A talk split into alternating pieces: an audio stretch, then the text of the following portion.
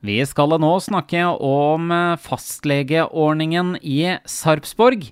Med meg så har jeg helsesjef i Sarpsborg, Karianne J. Bergman. Nasjonalt eh, må vi snakke om først, eh, for den 18. april så leverte ekspertutvalget sin endelige rapport med anbefalte tiltak om fastlegeordningen. Er du fornøyd med arbeidet som er gjort? Ja, det er vanskelig å uttale seg helt detaljert om ennå. Det var en veldig stor rapport på over 300 sider. Jeg har foreløpig kun sett litt på uh, sammendrag og de 59 tiltakene som de har anbefalt. Uh, det ligger mye i de 59 tiltakene. Jeg syns det er bra at de har fokus på å få flere leger gjennom LIS1, altså tidligere turnuslegeordningen. For det betyr at vi kan få flere leger som er klare for å jobbe både som fastleger og andre leger. Eh, det er veldig viktig at vi får flere leger inn, slik at arbeidsbelastningen for de legene som er der ute nå kan gå ned. Da må de redusere antall pasienter de ivaretar.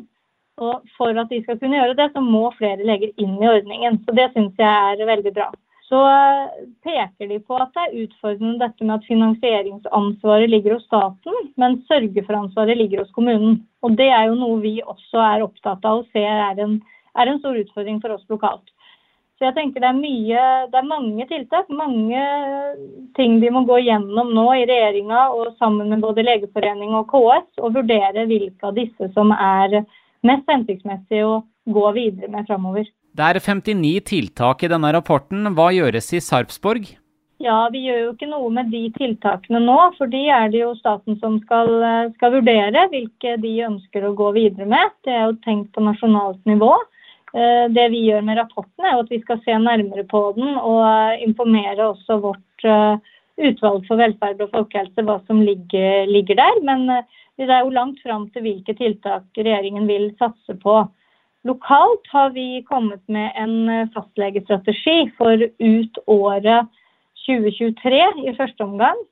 Eh, med noen lokale tiltak eh, som foreløpig er vedtatt både i utvalget og i formannskapet, og som skal behandles i bystyret nå i mai. Ja, kan du si noe om hva slags tiltak det er snakk om? Eh, tiltakene som ligger i vår strategi er eh, bl.a. rekrutteringstilskudd. Dvs. Si et tilskudd som skal eh, gjøre det enklere for leger som ønsker å begynne som fastlege, å ta den økonomiske risikoen ved å gjøre det. Vi har noen tiltak som går på dekning av fravær for fastlegene og vikarordning Eh, vi går inn på det med å gi praksiskompensasjon, altså en økonomisk godtgjøring når eh, også spesialister er på kurs eh, som er obligatoriske for dem. Da taper de jo inntekt, så det vil kommunen bidra litt på. Og vi har noen tiltak som går på dette med hvordan øke samarbeidet med fastlegene enda bedre. Og så har vi noen tiltak vi skal utrede videre framover sammen med fastlegene. Det er jo flere fastlegere som har sagt opp jobben sin i Sarpsborg. På hvilken måte har eh, dette skapt utfordringer for kommunen? Ja, Det er klart det er svært utfordrende hvis så mange leger eh, slutter i Sarpsborg på kort eh, tid. Vi er i dialog med, med fastlegene som gruppe. Og, og jobber med for å finne en løsning på den situasjonen vi står i nå.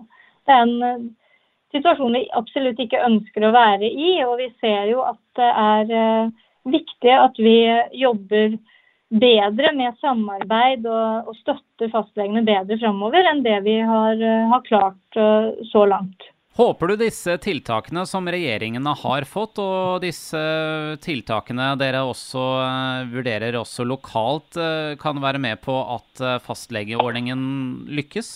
Ja, det, det, må vi jo håpe på. Vi vet at det og fastlegeordningen har jo vært en suksesshistorie fra den ble innført. Innført. Den har ligget høyt på alle disse brukerundersøkelsene på offentlige tjenester som befolkningen er fornøyd med.